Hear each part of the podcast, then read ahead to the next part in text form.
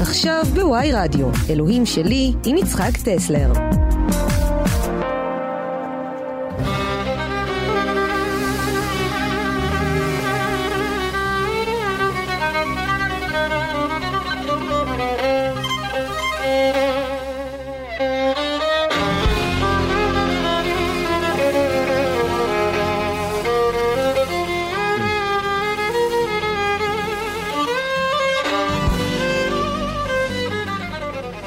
ברוכים הבאים לתוכנית, אני יצחק טסלר, ואיתנו נמצא היום המשורר והסופר אה, רוני סומק. אה, מי ששומרים עלינו מלמעלה היא העורכת והמפיקה טלי ליבמן, והטכנאית היא מור אופפר. שלום רוני, ברוך שלום. הבא לתוכנית הראשונה. ברוך הנמצא. אז אה, מכיוון שזו תוכנית ראשונה, אני אגנוב ממך עוד דקה, ואני אגיד כמה מילים על התוכנית ועליי.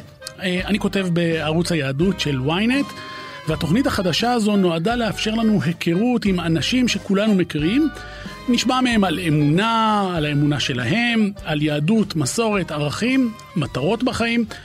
את מה שהם השיגו, את מה שעדיין לא, נשמע גם שירים יפים, ובעיקר אה, ננסה להיכנס אה, לאווירה של שבת. אבל uh, מספיק לדבר על עצמי. רוני, בוא נציג אותך בקצרה ואני אשמח שתוסיף. אתה נולדת בבגדד ב-1951, אתה משורר, סופר, אומן. השירים שלך תורגמו לעשרות שפות, uh, זכית בפרסים, פרס ראש הממשלה, יהודה עמיחי לשירה, עוד הרבה מאוד uh, דברים טובים. בוא רגע נחזור אחורה ל- לילדות שלך. אה, איך, איך הייתה בדיוק הילדות שלך בעיראק ואיפה השתלב איפה השתלבה האמונה? הילדות שלי בעיראק היא בעצם ילדות יד שנייה, כיוון שנולדתי בעיראק, אבל בגיל שנתיים כבר הייתי בישראל, וזה בכלל סיפור. אני נולדתי בעיראק אחרי שהיהודים עזבו את עיראק. נשארו בעיראק מעט מאוד יהודים. אה, אנחנו נשארנו כי הייתה למשפחות, אה, למשפחה נתינות אה, בריטית. ובכלל, אני חוזר ומספר, שמי רוני, מכיוון שהיה צריך למצוא שם שיהיה גם אנגלי, גם ערבי וגם יהודי. ואימא שלי הולכת ברחובות בגדד והיא רואה שלט גדול שעליו כתוב סטודיו רוני. והיא אומרת, זה נפלא, רוני בעברית, רוני בערבית, רוני באנגלית. והבדיחה המשפחתית אומרת, איזה מזל שלא קרא לי סטודיו. עכשיו, בספרים על יהודי בגדד, אה, אומרים שבבית שנולדתי בו היו 20 חדרים.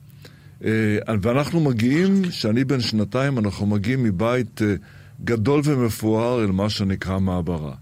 לימים אני שואל אנשים וחוקר אנשים על השנתיים האלה שאני לא זוכר מהם כלום, ואני מקבל תמונה אה, כמעט אה, פלסטית לגמרי על אותה בגדד, עד כדי כך שאנשים שכותבים ספרים על בגדד, כמו פרופסור ששון סומך, זיכרונו לברכה, מתקשרים שאני אהיה זה שאאמת כל מיני מקומות. אבל אם אנחנו לקראת uh, שבת, אז אני רוצה לספר משהו שקשור לבית כנסת בבגדד. המרכז הרוחני של יהודי בגדד היה בית כנסת שקראו לו מאיר אליאס. אה, זה בית כנסת ששם ההורים שלי התחתנו, אה, שם עשו לי ברית מילה, מין סוג של מרכז רוחני שכל יהודי בבגדד הכיר. לפני כשלוש שנים מתקשר אליי משורר עיראקי מבגדד ואומר לי, צר לי להגיד לך, אבל בית הכנסת מאיר אליאס הפך למסגד. אוי.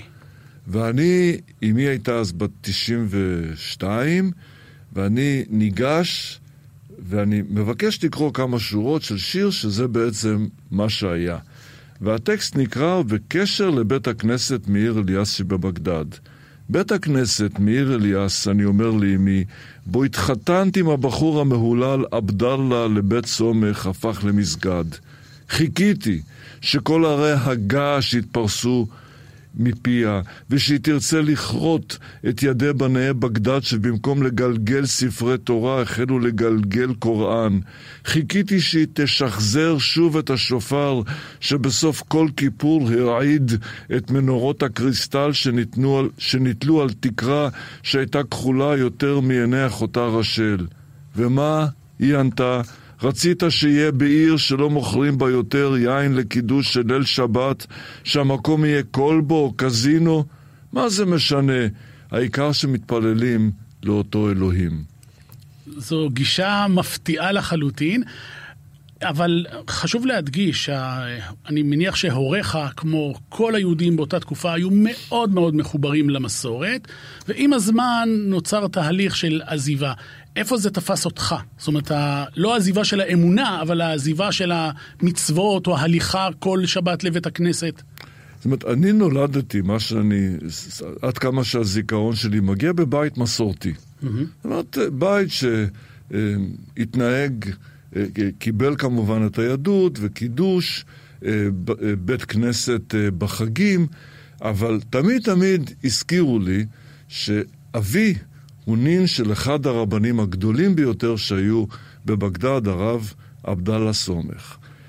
אני צאצא שלו, ואני רוצה להגיד שהוא היה רב מאוד מאוד פתוח. הוא למשל הרשה ליהודים להדליק אור בשבת. טענתו הייתה שכתוב לא תעשה לך כל מלאכה, ופעם לקחת אבנים ולשפשף אותם זה הייתה מלאכה. היום שאתה רק נוגע, כן, בקיר והאור נפתח, אז זה לא מלאכה. מי שבא אחריו ביטל את כל החוקים האלה. אני רוצה להגיד שלפני כמה שנים התמזל מזלי והוזמנתי לתפילה בביתו של אה, הרב עובדיה יוסף. אה, ואחת הסיבות שהוזמנתי זה בגלל אותו קשר משפחתי לרב עבדאללה סומך, שהרב עובדיה יוסף העריץ.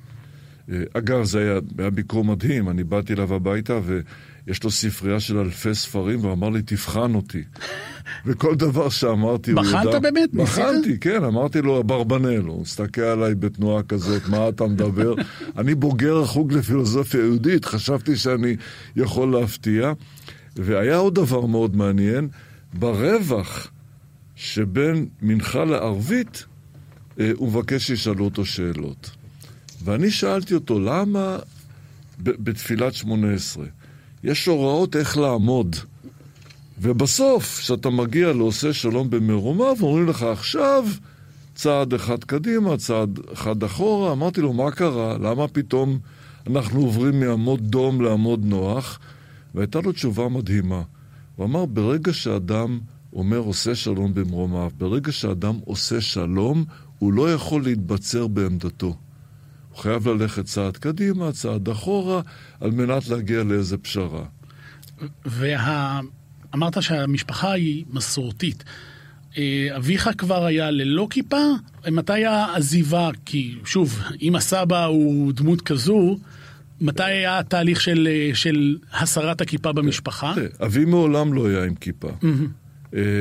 הוא מעולם לא עם כיפה, אולי גם מכיוון שהמשפחה נשארה בבגדד והיה אסור לזהות שאתה יהודי, אבל אני חושב שבלי שהמשפחה הכירה את לני ברוס, הפילוסוף והקומיקאי האמריקני, הם אימצו משהו מהתפיסה שלו. הוא אמר, הרבה אנשים עזבו את הדת וחזרו לאלוהים. זאת אומרת, אנחנו היינו משפחה ש, ש, ש, שעל פי העיקרון ה... היהודי, אנחנו משפחה שבעצם, מבלי שידעה את זה הרבה בזמן אמת, אה, די קיבלה את העקרונות של הרמב"ם. זאת אומרת, אה, להיות אה, מה שרבי יהודה הלוי אומר, עבדי אדוני, אבל לא עבדי העקרונות של הדת, וזה דבר שליווה אותנו כל הזמן. בתקופה מסוימת, אבי נהג להגיע לבתי כנסת גם בשבתות. אני ידעתי בגלל זה את את פרשות השבוע והתעניינתי בזה ושאלתי שאלות, אבל התפיסה הייתה שאנחנו אה, באמת אה, אה, לא נגיד אה, אה, מקיימים את כל המצוות, אבל אנחנו משתדלים להיות אנשים טובים. לך אבל הייתה איזושהי התלבטות האם לחבוש כיפה או לא, או כמו אבא, אם אבא לא, אז ברור לך שלא, אתה מאמין בדרכך. לא, לא הייתה לי, כיוון שאני מאמין בדרכי. זאת אומרת, אני הרגשתי ש... יש איזה, זאת אומרת, כמה קודים שאני מכיר אותם, שאני אוהב אותם, ו... זאת אומרת, לא הייתי צריך, אה, נגיד, אה, להשתמש בתלבושת אחידה, מכיוון שלא נולדתי אה, במשפחה שהשתמשה בתלבושת אחידה כזאת.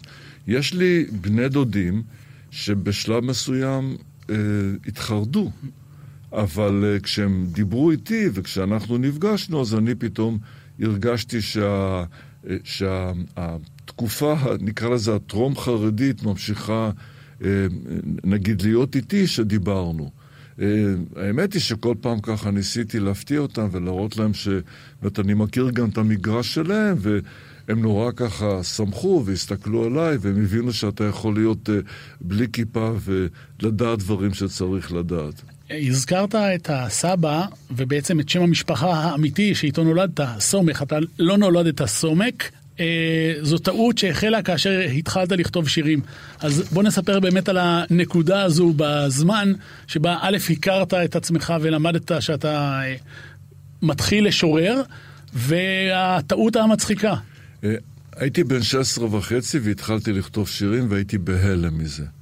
זאת אומרת, לא נולדתי משורר, לא תליתי כמו עמוס. עמוס עוז תלה בגיל צעיר מאוד שלט על דלת חדרו, והוא כתב עמוס קלויזנר סופר. אני לא תליתי שלט כזה, ויום אחד שהתחלתי לכתוב, אה, מבלי שידעתי שאני כותב, כתבתי פתק לבחורה שלמדה איתי בכיתה, וככה ידעתי שאני כותב שירים. אה, שלחתי שני שירים. לשני אנשים שאני לא מכיר. הייתי שחקן כדורסל באחת מקבוצות הנוער של מכבי תל אביב, והפער הזה בין הדימוי, נקרא לו הספורטאי שלך, לבין הבחור שיושב בלילה וכותב שירים, היה פער שלא לא, לא יכולתי לגשר עליו, ואני מצר על כך. זאת אומרת, אני לא, לא גאה בזה. זאת אומרת, כמה הדימוי לפעמים יכול אה, להכות בך. והחלטתי לשלוח שני שירים. אה, מעטפה אחת שלחתי לרחוב שמשון הגיבור 11, דוד אבידן, והוא עונה לי מיד במכתב שחוקרי שירתו טוענים שזה המכתב הכי נדיב שהוא שלח בחייו, ומעטפה שנייה למעריב, אה, שזה העיתון שקראו בבית וכמעט כל המדינה קראה, אה, וכתבתי לעורך שאני חולצה מספר 7 בקבוצת הנוער של מכבי תל אביב, אני כותב שירים ואני לא רוצה שידעו, וזה לעיניך בלבד, ואין תשובה, שבוע, שבועיים. אה, ואני בסך הכל ביקשתי התייחסות במכתב. אני הרגשתי, אמרתי, זה כנראה כל כך רע שאפילו בול הם לא מבזבזים עליי. ואז מגיע השבוע השלישי, אני פותח את העיתון, ומה מופיע בעיתון? השיר ששלחתי. עכשיו, אני שמח, ואני עצבני, ואני מבולבל, ואם זה היה מבחן פסיכומטרי, הייתי אומר, כל התשובות נכונות, אבל כשאני מרים את הראש, אני רואה שבמקום רוני סומך, שזה היה שמי עד לאותו רגע, כתבו רוני סומק. בן אדם נורמלי שטועים באיות של השם שלו, בעיקר שזה בפעם הראשונה שהוא מדפיס, היה מתעצבן, אני הייתי המאושר שבאדם. והתחלתי לשלוח שירים תחת השם רוני סומק, מתוך הנחה שזה משהו שאני עושה אותו מבלי שאני יודע אם אני נכנס ל... לה... המגרש הזה שנקרא שירה בנעלי בלט או במגפי פרדסנים. אגב, הצחוק היה שהמוסף הספרותי מתפרסם ביום ראשון, ביום שישי, וביום ראשון ראה אותי המאמן ואמר לי, אתה יודע, יש מישהו עם שם דומה לשלך שכותב שירים. זאת הוא כאילו לעג לעובדה הזאת, ותיזהר שלא יחשבו שזה אתה. לקח לי שנים להבין שהוא בעצם קרא את המוסף הספרותי, אם הוא ידע שמישהו... שגם ש... זה מוזר שמאמן. כן, כן.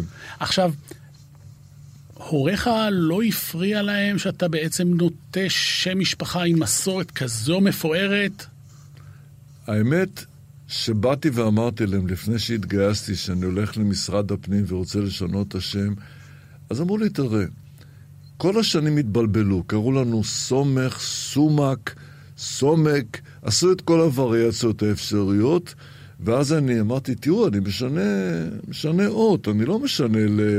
אני יודע מה, לכהן או ללוי, ואז, זאת אומרת, לא ראיתי איזשהו, אה, זאת אומרת, איזושהי התלהבות, אבל גם לא הייתה התנגדות. שזה לא מובן מאליו, אנחנו מדברים על משפחה שמרנית ועל תקופה שמרנית. אה, היו אנשים שהכריחו אותם באותה תקופה בצבא לעשות, או בתפקידים ממלכתיים, אבל מרצונם... בכדורגל אפילו. נבחרת ישראל שמשחקת נגד, אה. אה, נגד רוסיה, קראו להם אז רוסיה, דוד בן גוריון קורא להם ומבקש מכל השחקנים להחליף את השם. נחום סטלמך הופך להיות נחום פלד למשל. והם משאירים את זה בתעודת זהות, בכל ה- המקומות האלה, והם חיים חיים כפולים. נחום סטלמך בעיתון, נחום פלד ב- בתעודת הזהות. עכשיו אנחנו עוד מעט נעבור לשיר אה, ראשון. אה, השיר הוא אה, קו העוני. את המילים אתה מכיר כי אתה כתבת אותם. אה, חנן יובל הלחין אותם, ושי צברי ביצע, בין השאר, זה היה שיר הנושא בסדרה המעברות. כן, עכשיו שי צברי הלחין את זה מחדש, יחד עם הדג נחש, אה, וזה בעצם הלחן החמישי לשיר הזה. אז אה, נשמע אה, תכף את השיר, הפסקה קצרה, ומיד נחזור ונדבר גם על השיר וגם עליך וגם על אמונה. ולומר מתחתיו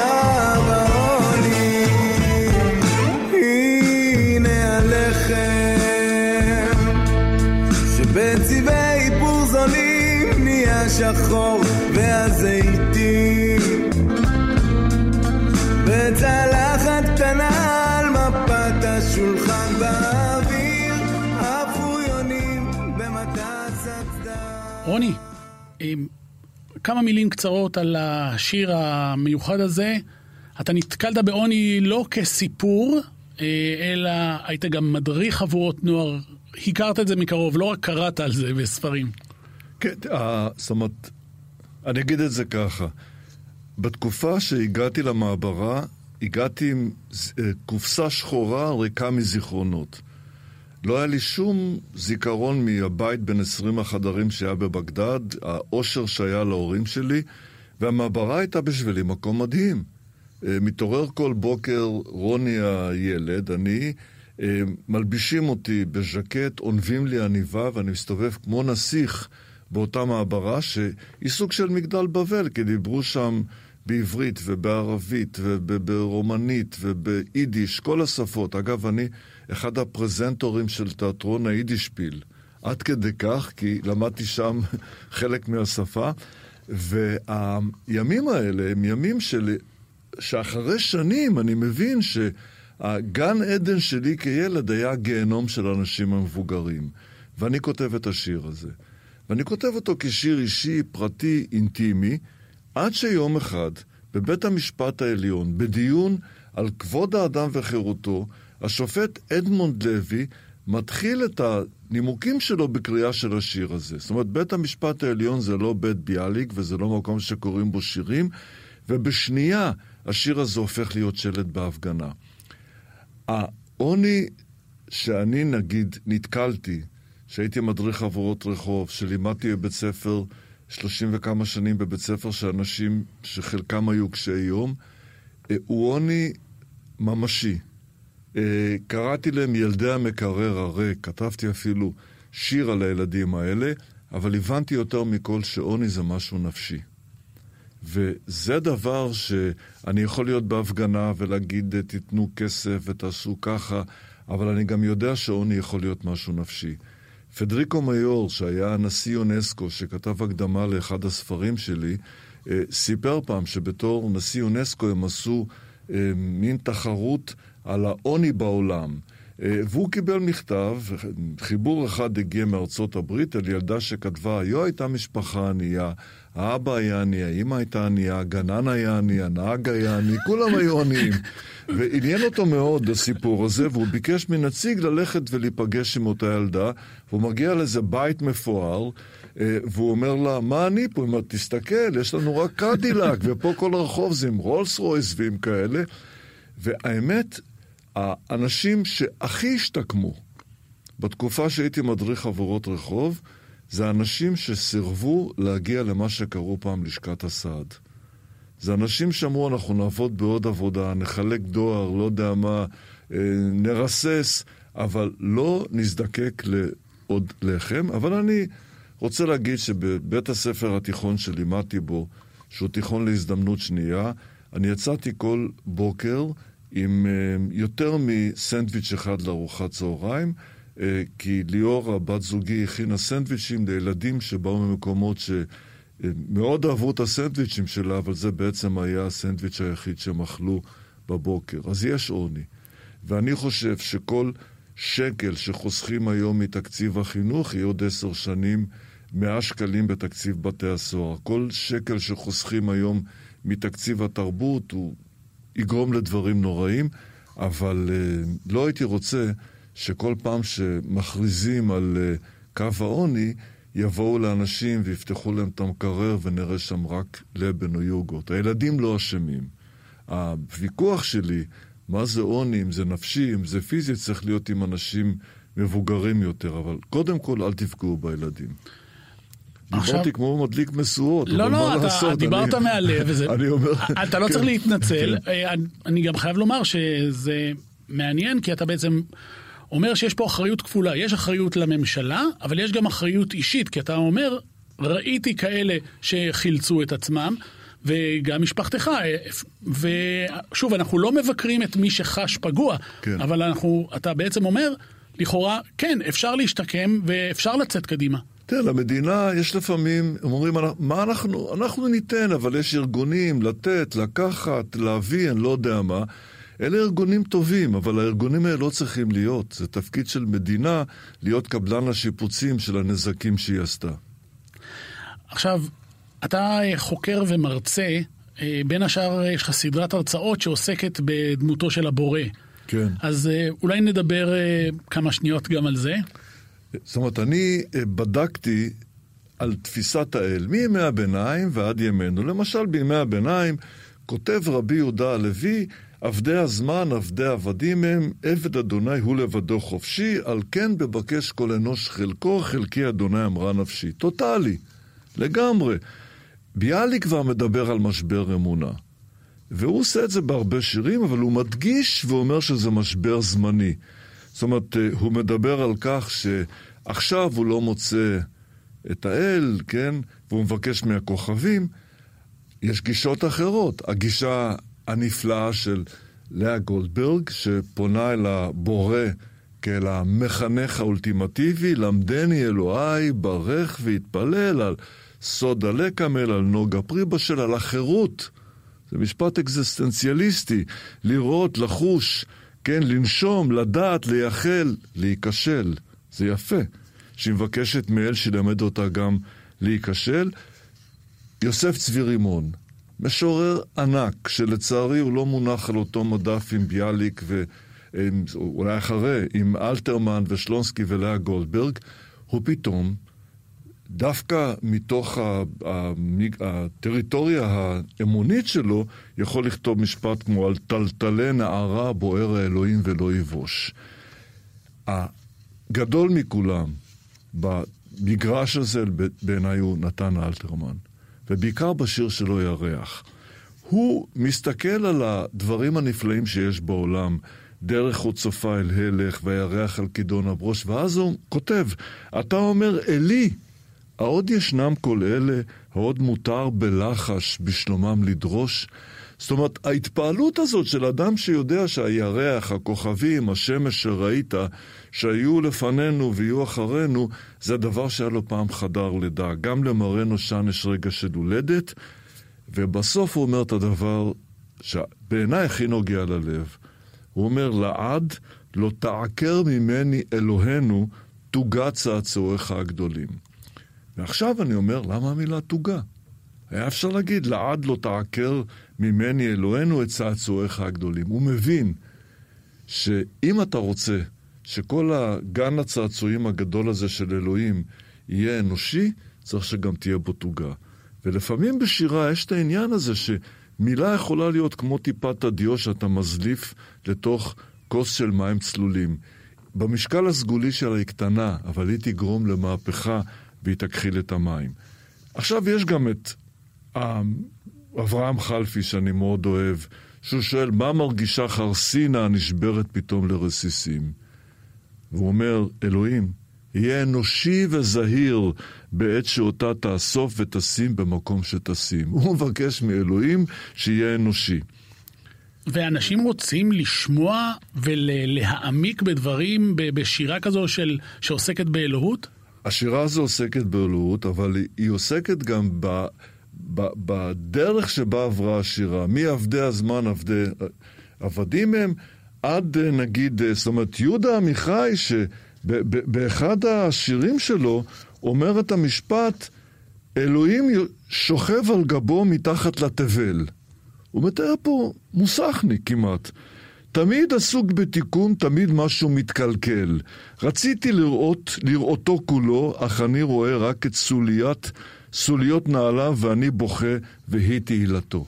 זאת אומרת, העניין הזה שאתה אה, רואה איך, איך, איך, איך דרך האמונה באלוהים, או דרך הדיבור עם אלוהים, אתה מעצב עולם שלם. יונה וולך, המשוררת המדהימה, אה, לעולם לא אשמע את קולו המתוק של האלוהים. אגב, פה אני חייב לתקן טעות. Mm-hmm. והטעות היא שבמשך uh, תקופה הרבה אנשים uh, החליטו לא לקרוא את יונה וולך מכיוון שהיא כתבה את השיר שלה על התפילין. זה לא שיר שלה. יונה וולך התבקשה על ידי מירי מגנוס לכתוב מחזה על שבתאי צבי ונתן העזתי, וזה קטע מתוך המונולוג של נתן העזתי. הוא אמר, כמו שכתוב, ברוך מתיר אסירים, התנועה השבתאית אומרת ברוך מתיר איסורים, והיא כותבת את הקטע הזה. כשהתחיל כל ה... כשהתחילה כל המהומה, התקשרתי ואמרתי לה, יונה, אני יודע את האמת. תגידי שזה לא שיר שלך, שזה חלק מתוך מחזה. מה הייתה התשובה שלה? עד שיש בלאגן אתה רוצה לעצור אותו? אז ככה שהתחושה היא תחושה ש, ש, שלפעמים אנחנו, דרך ה...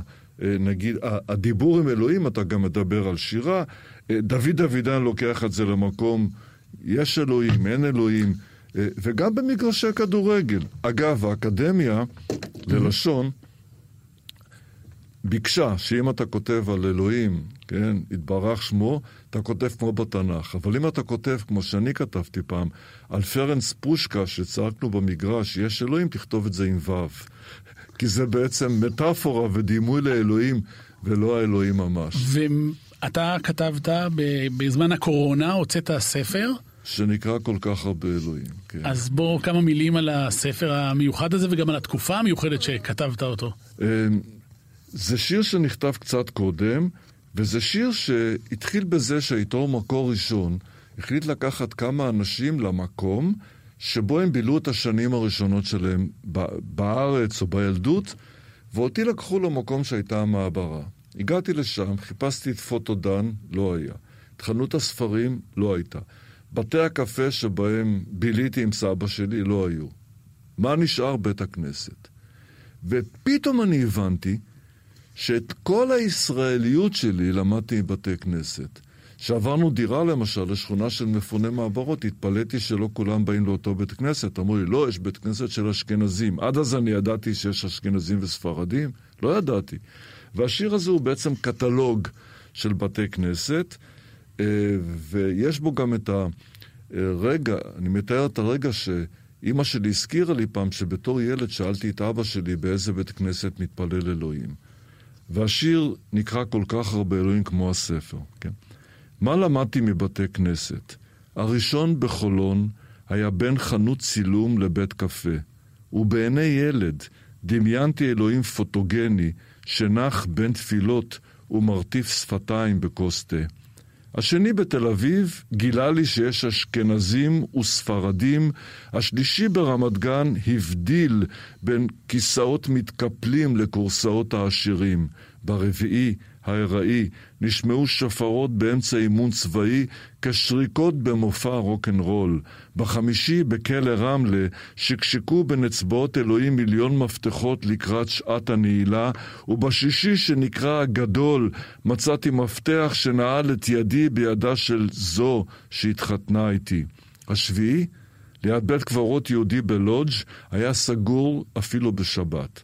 ושרידי השמיני במונדבי שבצפון איטליה היו קרובים למסעדה בה התמלאה צלחת פסטה בסערות מלאכים. שם, בין קינת הקירות נזכרתי איך בפעם הראשונה שאבי הסתיר אותי מתחת לטלית בברכת כהנים שאלתי אותו באיזה בית כנסת באמת מתפלל אלוהים. ידו מתחה את העניבה מצווארון חולצת חג לבנה והצביע על השדות שמילאו את החלון בנשיקות תותים. אז, בשפתיים שהדימו מאוד, לעסתי אדוני אחד. שתי הערות, ברשותך. הערה ראשונה לגבי ברכת כהנים, אז אה, אה, לנו, לליאורה ולי יש בת אחת, ואני כל פעם שהייתה ברכת כהנים, הייתי קורא לה מעזרת הנשים לבוא, מכניס אותה לבית הכנסת, שם עליה את ה... זאת אומרת, כתוב שעושים את זה לבנים, אבל היא...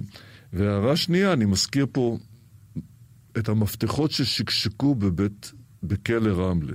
אז אני הגעתי לכלא רמלה בתור אדם שבא לקרוא שירים, ואחד הסיפורים שקשורים לבית כנסת, היה לי, יש בכלא רמלה, כמעט בכל בית כלא שאתה בא אליו, איזשהו מנהג שאומרים לך, בוא תראה מה קרה מאז הביקור הקודם שלך. ואייל אמיתי, שהיה קצין החינוך המיתולוגי של כלא רמלה, אמר לי, אתה חייב לראות בית כנסת חדש שבנינו. הגעתי לשם, ולבית הכנסת בכלא רמלה קוראים בית הכנסת הפקדתי שומרים. עכשיו, אני הייתי אחרי, זה היה שלושה ימים אחרי יום כיפור, וביום כיפור בבית הכנסת הספרדי מתחילים את תפילת נעילה עם פיוט מימי הביניים שכתב אבן עזרא, שהשורות הן הראשונות, אל נורא עלילה, המציא לנו מחילה בשעת הנעילה. עכשיו, מה, זה אומר? אתה אומר, תן לנו סליחה בשעה שננעלים שערי שמיים. ופתאום שם, בבית הכנסת הפקדתי שומרים, הבנתי שפה עמדו אנשים ואמרו, אין נורא עלילה, המציא לנו מחילה. מחילה זה גם הבור שבורחים. בשעת הנעילה בכלא זה לא בדיוק השעה שננעלים שערי שמיים. וכתבתי על זה שיר, וזה כל פעם הוכחה שהמשורר הוא צייד. הרי לא באתי באותו יום לכתוב שיר על בית הכנסת של כלא רמלה, אבל הנה פתאום יצא שיר כזה. אמ, יפה, ואנחנו uh, נדבר uh, תכף, אם uh, נעשה שיחה בהפתעה, אבל, אבל אנחנו uh, בינתיים נדבר על, ונשמע שיר נוסף שלך, יסמין, שיר על נייר זכוכית. אתה uh, כתבת את המילים, חיים uh, רחמני הלחין. אנחנו נשמע את הביצוע של בריך סחרוב, ודרך אגב, uh, שוב, אנחנו, uh, אולי כמה מילים רגע לפני שנשמע את השיר?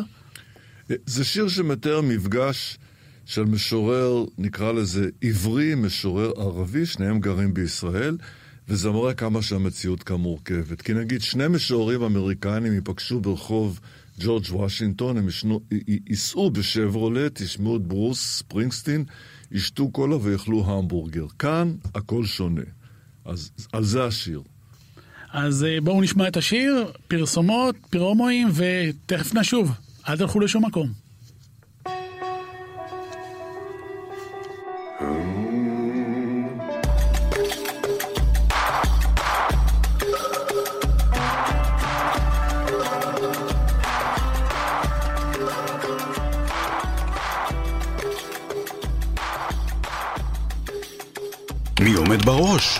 משתף פעולה עם מי? משטרת ישראל חושפת...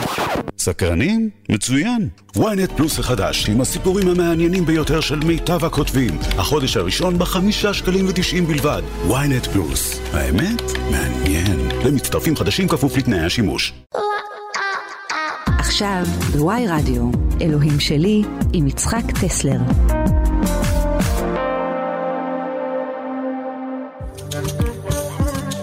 שיחה בהפתעה.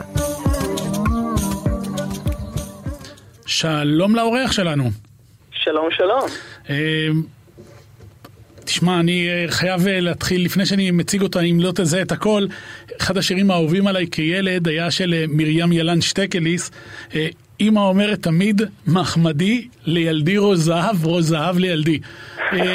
כן, אז לפי הצחוק אולי אתה והרמז אולי תזהה? לא, אם אני מזהה זה ראש ג'ינג'י.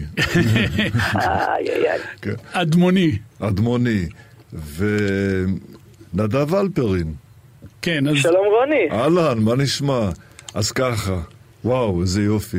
לפני כמה שנים נדב היה בסדנה לנוער שהייתה לי בבית אריאלה.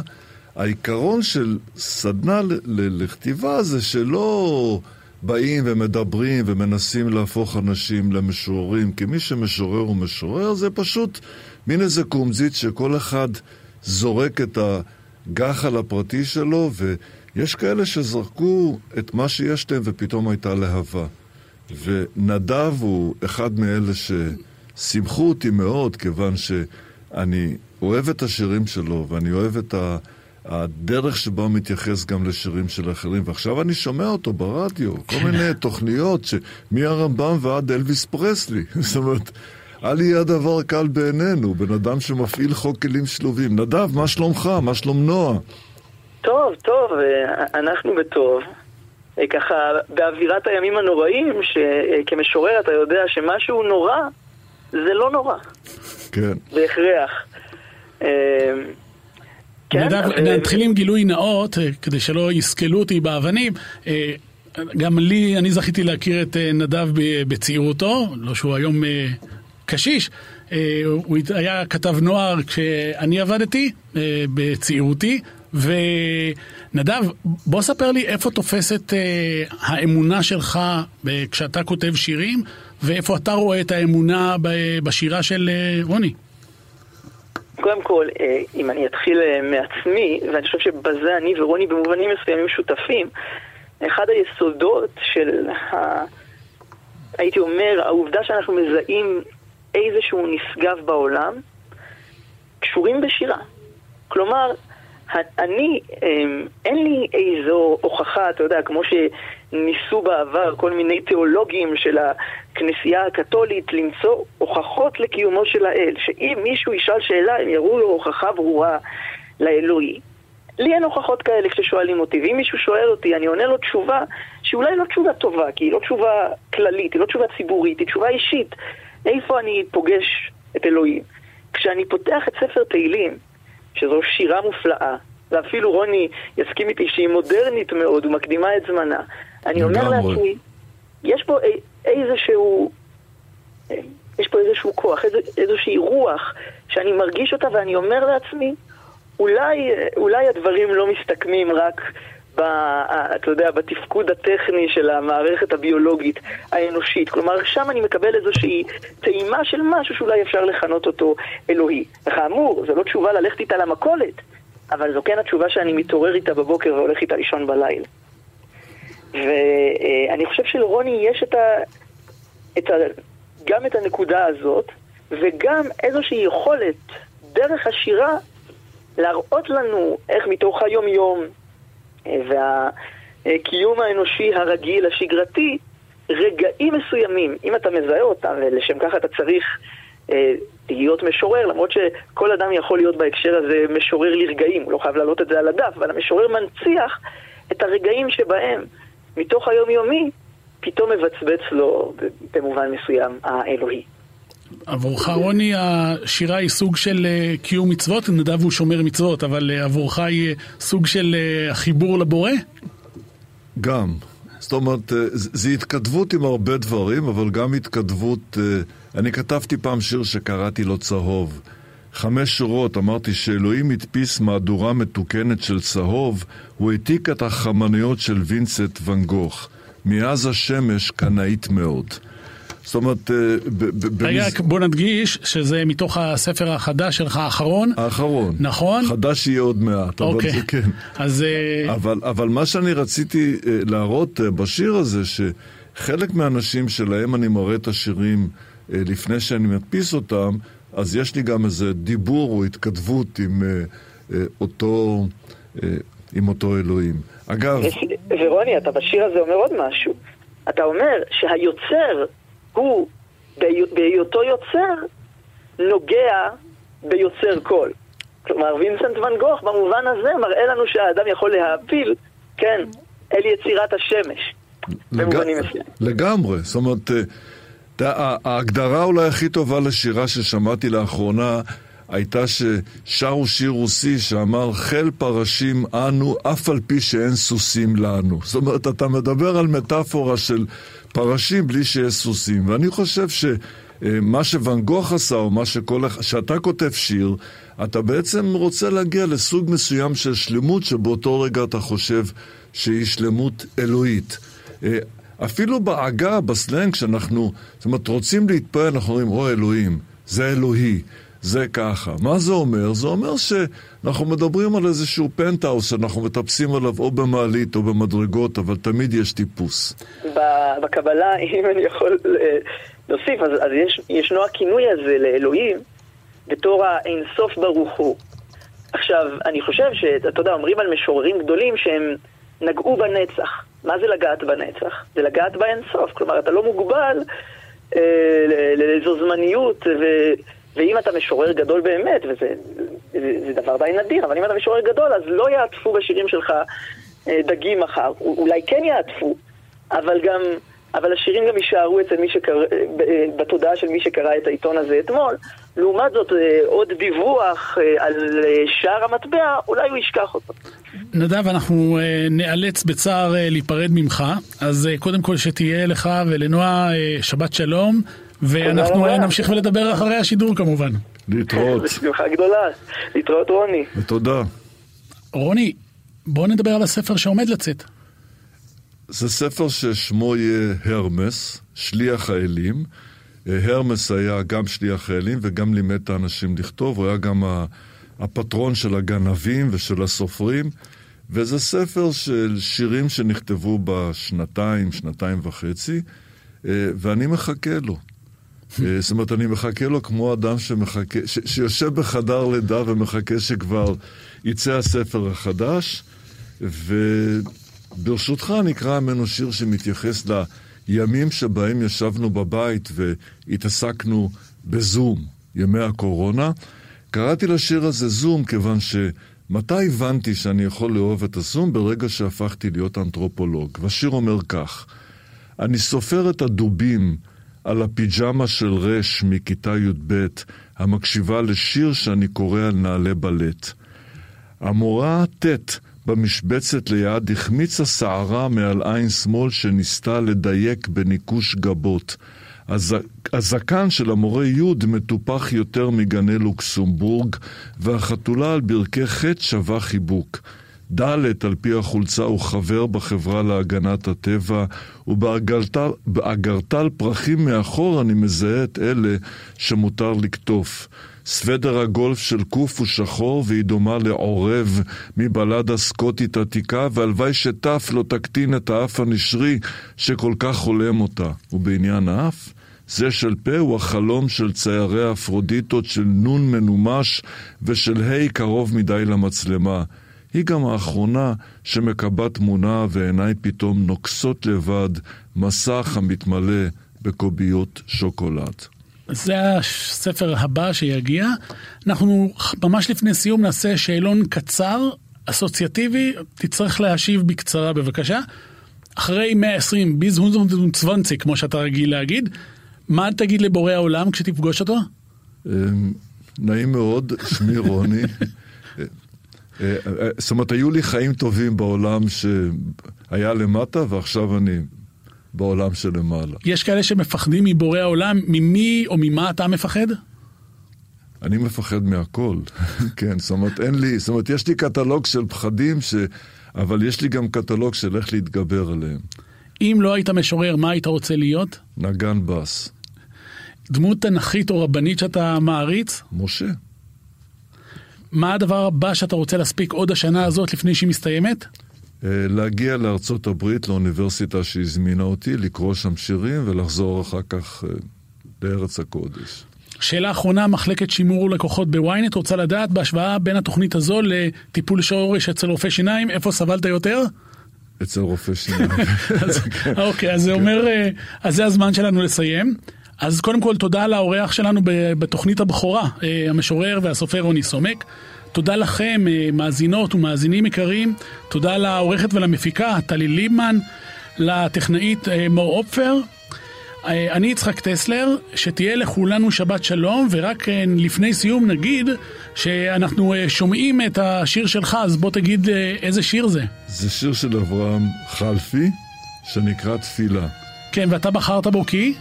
כי יש שם, אל נא תרע לתמימים, הם אינם יודעים מדוע ברק פוגע בעץ הנושא את פריו לתומו. וזאת הבקשה שלי, אל נא תרע לתמימים. אז זה השיר שבחרת, שאיתו נסיים, אה, מבצע את הברירה הטבעית, אז אה, עד אז, עד המפגש הבא, שבת שלום לכולכם. שבת שלום ותודה על האירוח.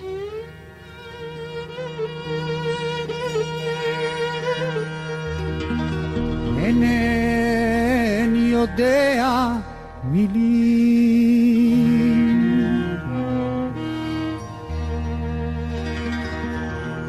מהם